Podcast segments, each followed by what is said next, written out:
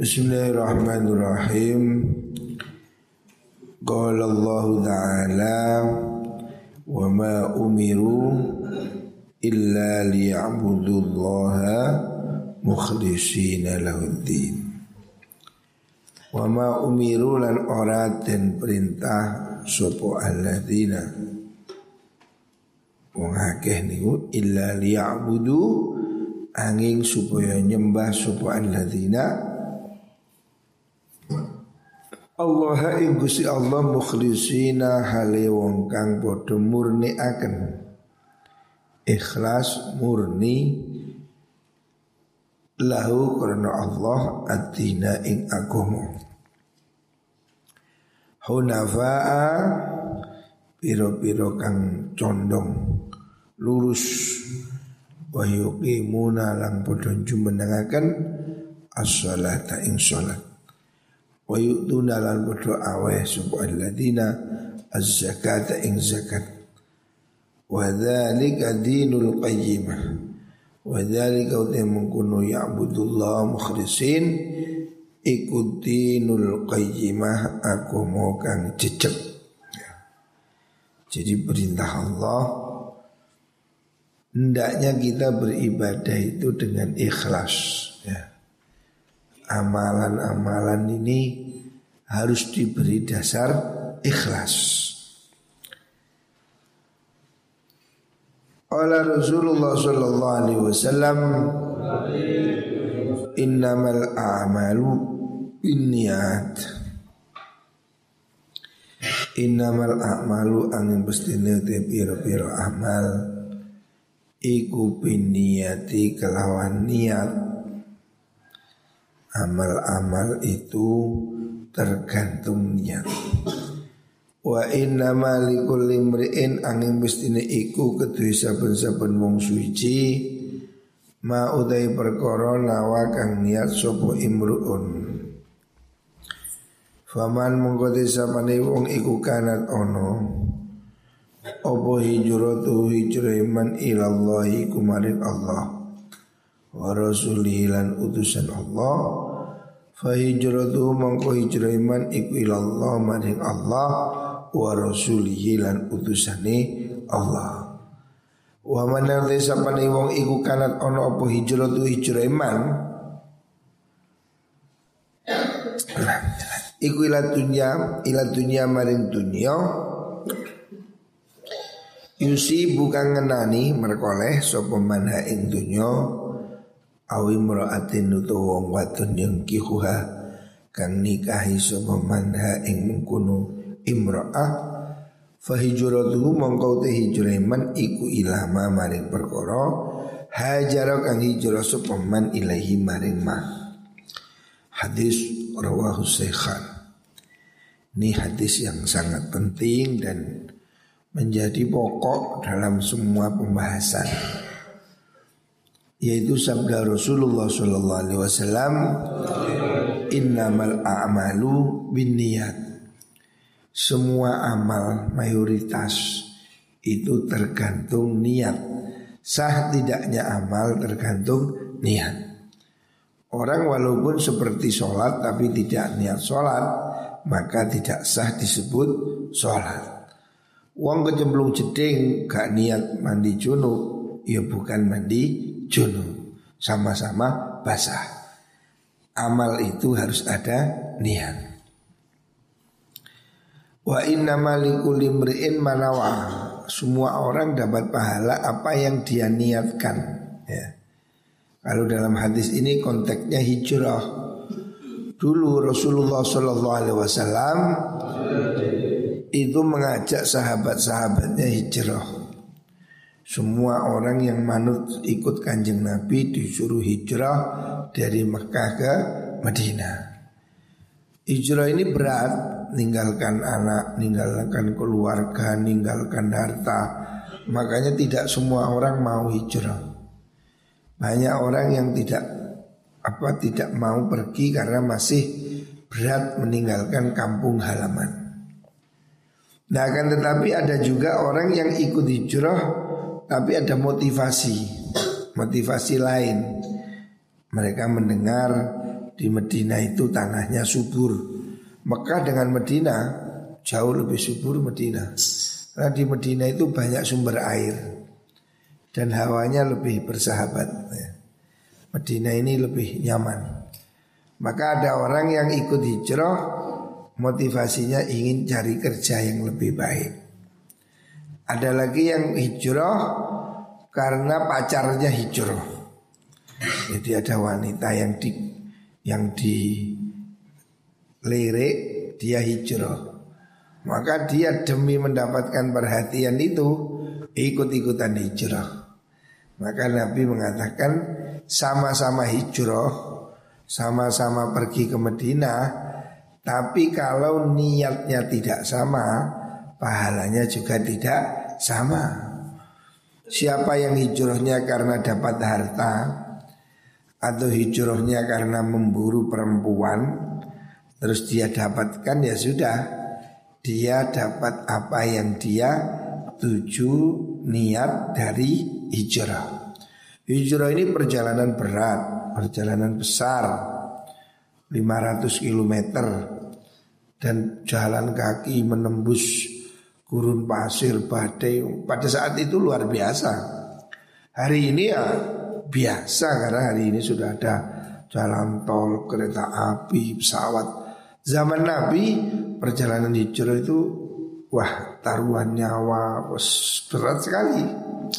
Makanya tidak semua orang mau hijrah sampai Allah memaksa mereka harus hijrah. Siapa yang tidak hijrah maka ya mendapatkan apa itu mendapatkan kecaman ya jadi semua orang disuruh hijrah demi mempertahankan iman. mereka harus menunjukkan loyalitas hijrah ikut bersama kanjeng Nabi. Lah tetapi ada yang hijrahnya itu motivasinya lain. Nah, Nabi mengatakan sama-sama hijrah, tapi kalau motivasinya caper, cari harta, cari perempuan, dia dia tidak dapat pahala. Rawahu ini hadis sahih. Selanjutnya inna Allah la yanzuru ila ajsamikum wa la ila suwarikum walakin yanzuru ila qulubikum wa amalikum. Hadis rawahu Muslim. Inna Allah sedani Allah.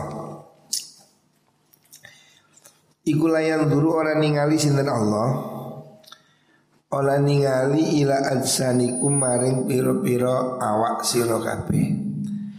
Allah itu tidak perlu lihat penampilan luarmu, tubuhmu, bodimu, wala suarikum lan ora piro-piro rupa siro kabeh. Ganteng elek tidak jadi urusan.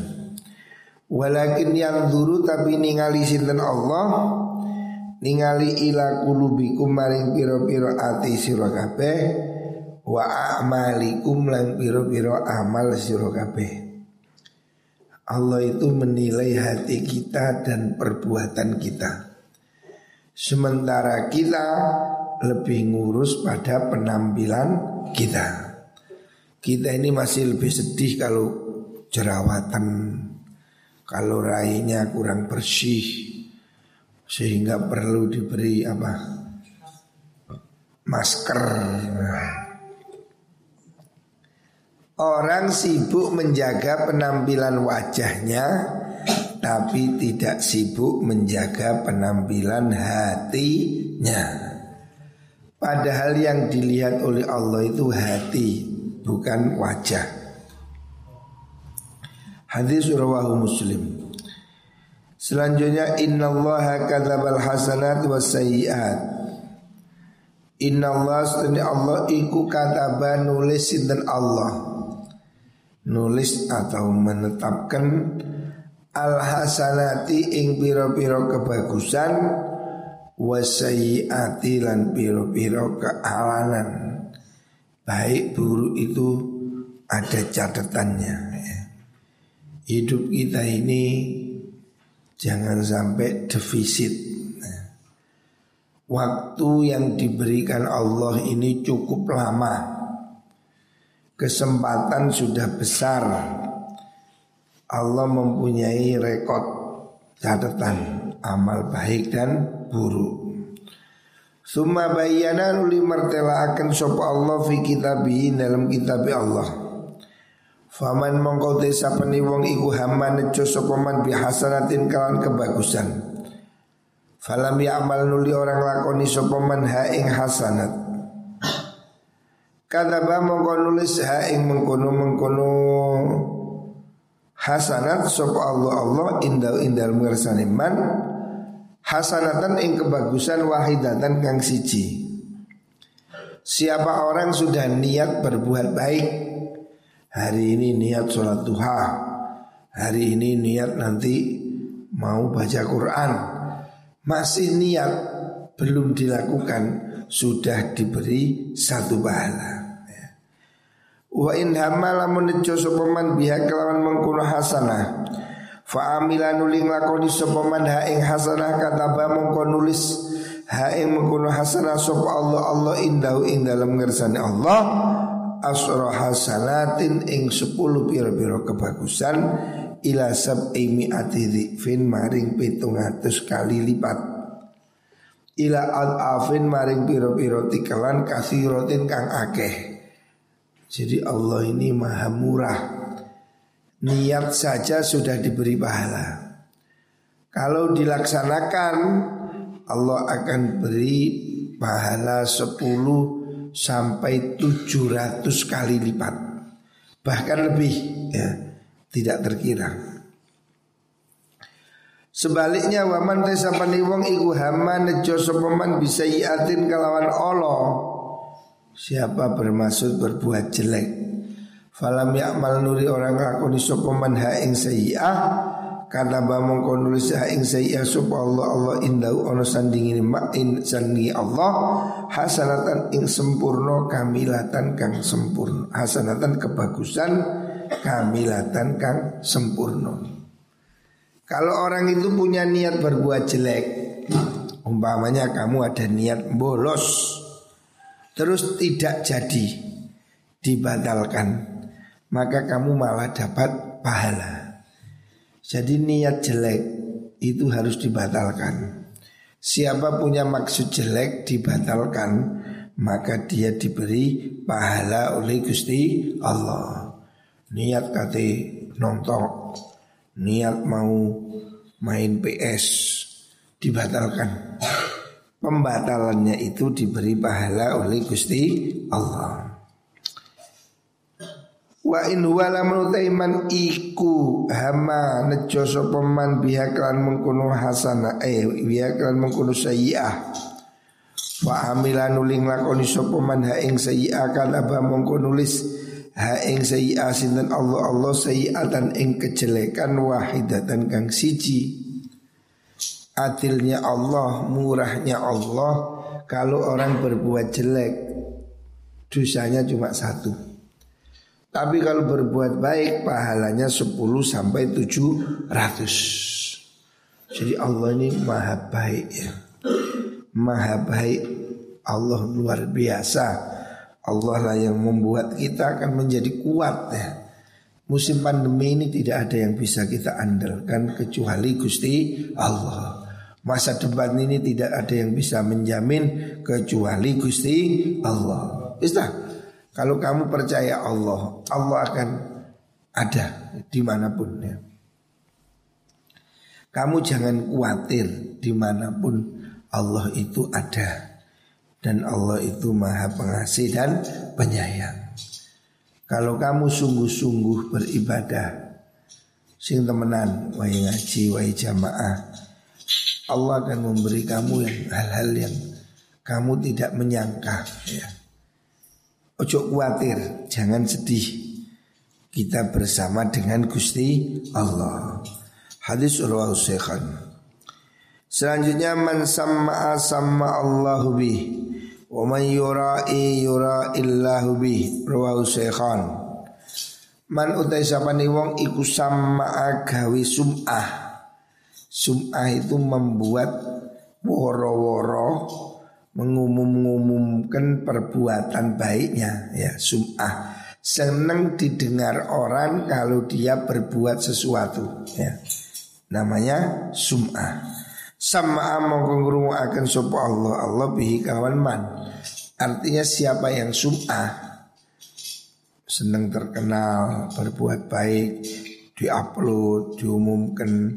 Maka ya sudah Dia cuma dapat itu Tidak diberi pahala oleh Gusti Allah. Waman tesapani wong iku yurai riak sopoman Ya yurai mongko mertelaaken Ria itu kan menampak-nampakkan. Ya wis ditampakkan oleh Allah Tapi tidak diberi pahala. Yurai mongko mertelaaken sopo Allah Lebih kelawan man. Hadis rawahu as Artinya kita ini Amal-amal kita Niatan-niatan baik kita ya tidak perlu harus diketahui oleh orang lain. Cukuplah kalau kita berbuat baik sudah dilihat oleh Gusti Allah. Jadi gak usah ngenteni pengumuman. Kalau kamu ingin bersihkan kamar, bersihkan jeding, menyapu halaman umpamanya. Kalau kamu mau berbuat baik, berbuat baiklah. Jangan khawatir kalaupun tidak dilihat oleh manusia. Karena semua kebaikan kita telah dilihat dan dicatat oleh Gusti Allah. Cukup rek, sudah Allah yang maha tahu ya.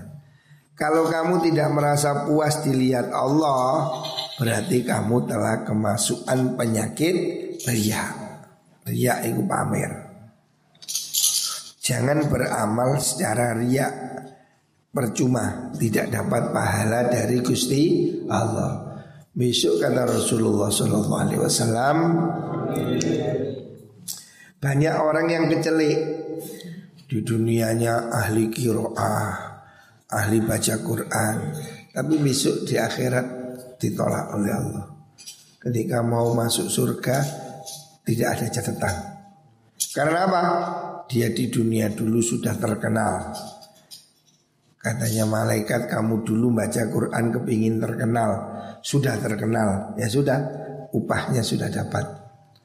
Orang dermawan ahli sodakoh juga begitu. Ada yang tidak bisa masuk surga. Karena apa? Dia memberinya untuk pamer. Gengsi-gengsian. Jangan berbuat untuk selain Allah Maka kamu tidak akan dapat pahalanya. Mati syahid pun Besok ada orang gerutuk-gerutuk Takbir. Mau masuk surga. Ternyata di surga catatannya tidak ada Ditolak. Mereka bingung Lu saya ini mati syahid. Kata malaikat kamu bohong. Kamu dulu maju perang kepingin terkenal. Gagah berani kepingin disebut pahlawan. Ya sudah, kamu sudah terkenal gagah berani pahlawan.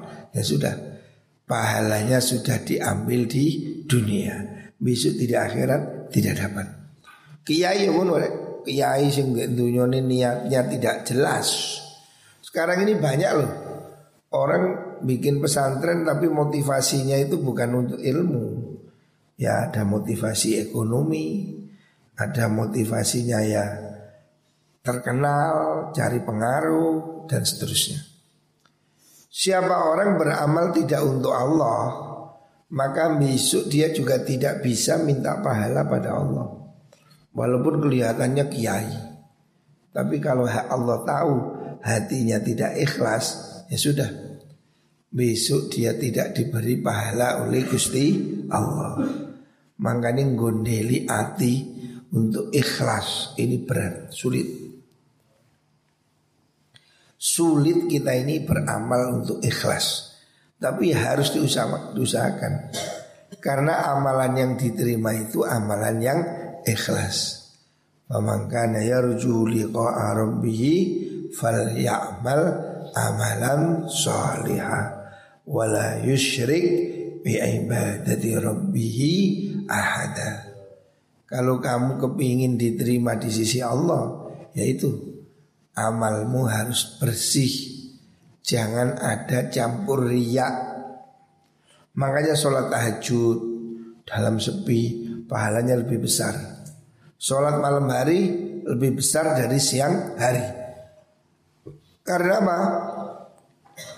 Ikhlasnya lebih tinggi. Tahajud tidak ada yang lihat. Tapi kalau sholat duha kan kelihatan. Amalan-amalan yang sunyi, yang sepi, yang hanya dilihat Allah itu pahalanya lebih besar. Ya. Makanya kita ini berusahalah. Berusahalah amal itu semata-mata karena Gusti Allah. Contohnya jamaah itu loh, tak delok jamaah itu. Si kon milih-milih sopo imami. Berarti kamu tidak ikhlas. Ngaji yang ngono, delok ngaji kita delok sore contohnya. Si ngaji Pak Milal sing teko titi itu salah. Berarti kamu ngaji tidak ikhlas. Mestinya kamu ngaji itu ndak usah lihat gurunya. Mari asar waya ngaji, ngaji ya wis niat golek ilmu lillahi ta'ala. Jangan masih nunggu siapa yang ngajar. Itu tidak tidak ikhlas. Sholat juga begitu. Jangan nunggu siapa imam. Siapa pun jangan karena manusia berbuatlah semata-mata karena Gusti Allah. Dan tidak perlu kita dinilai manusia, tidak perlu. Manusia ini nilai itu apa sih gunanya? Dipuji manusia tidak tambah hebat ya. Biarlah kita dipuji oleh Gusti Allah Lakukan kebaikan Walaupun tidak ada yang lihat Contoh kayak pondok sing gampang kebersihan nih loh. Kebersihan ini faktor yang kelihatannya remeh tapi pahalanya besar. Coba kamu setiap hari kamarmu itu loh bersihkan kamar, bersihkan jeding ya. Niat lillahi ta'ala Sambil diniati ya Allah saya niat membersihkan jeding kamar Niat membersihkan hati. Begitu. Kembalikan ke dirimu sendiri. Niatkan untuk dirimu. Allah maha melihat. Ya, Cuk khawatir. Allah tahu ya. Semua kebaikan yang kita lakukan cukuplah dilihat oleh Gusti Allah. Kalau kita pamer, Allah tidak terima. Ya, tidak usah dipamer-pamerkan. Biarlah kebaikan itu dilihat oleh Gusti Allah dan tidak akan hilang. Jok khawatir meskipun tidak kamu upload, kamu tidak akan kehilangan pahalanya. Ya. Malaikat itu ngerti. Malaikat nggak lihat Facebook. Tengok beliau. Ardathu salis fil khawf min Allah Ta'ala wa muraqabatihi azza wa jal. Selanjutnya tentang khawf ya. Tingkatannya ya. Pertama orang itu harus punya ilmu. Kalau tidak ada ilmu berarti dia tidak punya mata gelap. Setelah ilmu harus ada amal. Ilmu tidak ada amal tidak ada arti. Setelah amal kamu perlu ikhlas. Karena amal itu seperti boneka, tidak ada ruhnya. Ruhnya amal itu ikhlas. Orang-orang yang beramal tanpa ikhlas itu seperti mayat, hanya bodi tidak ada nyawanya. Ya. Jadi kata Imam Atta'illah al-a'mal suwarun qaimatun wa arwahuha wujudu sirril ikhlasi fi. Amal-amal itu hanya seperti boneka-boneka. Tetapi nyawanya, hidupnya adalah sirrul ikhlas. Kalau tidak ada ikhlas, amal itu tidak ada arti. Seperti mayat, tidak ada nyawanya. Setelah ikhlas belum cukup. Setelah ikhlas kita masih perlu yang disebut dengan khauf.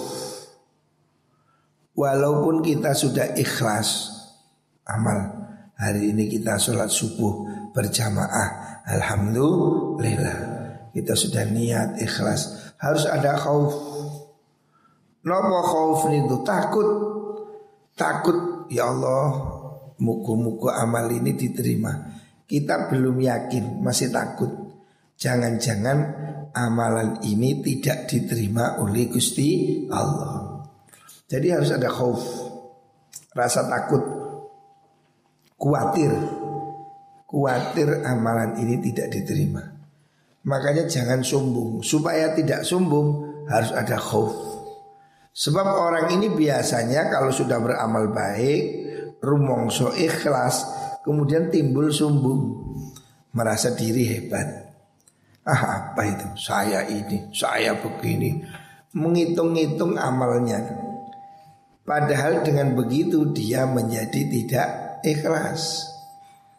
Makanya setelah ikhlas harus ada khauf, takut pada Allah. Kita ini walaupun sudah amal, sudah merasa ikhlas, harus tetap takut apakah amal itu diterima atau tidak oleh Gusti Allah. Kita tidak tahu. Yang harus ditakuti lagi apakah kita nanti suul khotimah atau khusnul khatimah. Kita kan tidak tahu. Ada orang itu asalnya baik, tiba-tiba berubah jelek. Namanya su'ul khatimah. Sebaliknya ada orang asalnya jelek. Tapi Allah beri hidayah jadi baik, jadi baik, matinya baik. Loh ini loh. Padahal penentuannya itu di khotimahnya ini. Orang seumur hidupnya baik, tapi di akhir hayatnya murtad, kafir, hidupnya tidak ada arti imannya tidak ada arti. Tapi kalau dia seumur hidupnya jelek sekalipun akhirnya baik, meninggal dalam keadaan baik, maka dia husnul khatimah. Kita belum tahu. Kita masih selalu berharap muko-muko kita diparingi husnul khatimah. Kita hanya masih berharap. Makanya jangan sombong ya. Harus ada khauf, takut Kalaupun sudah berbuat baik kita masih takut Kita tidak tahu apakah amal itu diterima oleh Gusti Allah? Dan selanjutnya kita juga belum tahu Apakah kita nanti akan mati husnul khatimah. Makanya ini yang harus selalu membuat kita takut ya. Jangan punya perasaan sombong Jangan merasa lebih hebat dari siapa pun ya. Tapi tetaplah berharap muko-muko amal-amal kita diterima oleh Gusti Allah. Walaupun tidak banyak, tapi kalau diterima. Makanya harus ada khauf ya. Kita ini harus selalu takut. Jangan memandang rendah pada orang lain sebab belum tentu amalan kita diterima oleh Gusti Allah dan kita belum tahu apakah kita husnul khatimah. Makanya tidak boleh sombong, tapi juga jangan putus asa. Muka-muka semua amalan kita diterima oleh Allah. Muka-muka semuanya diberi husnul khatimah.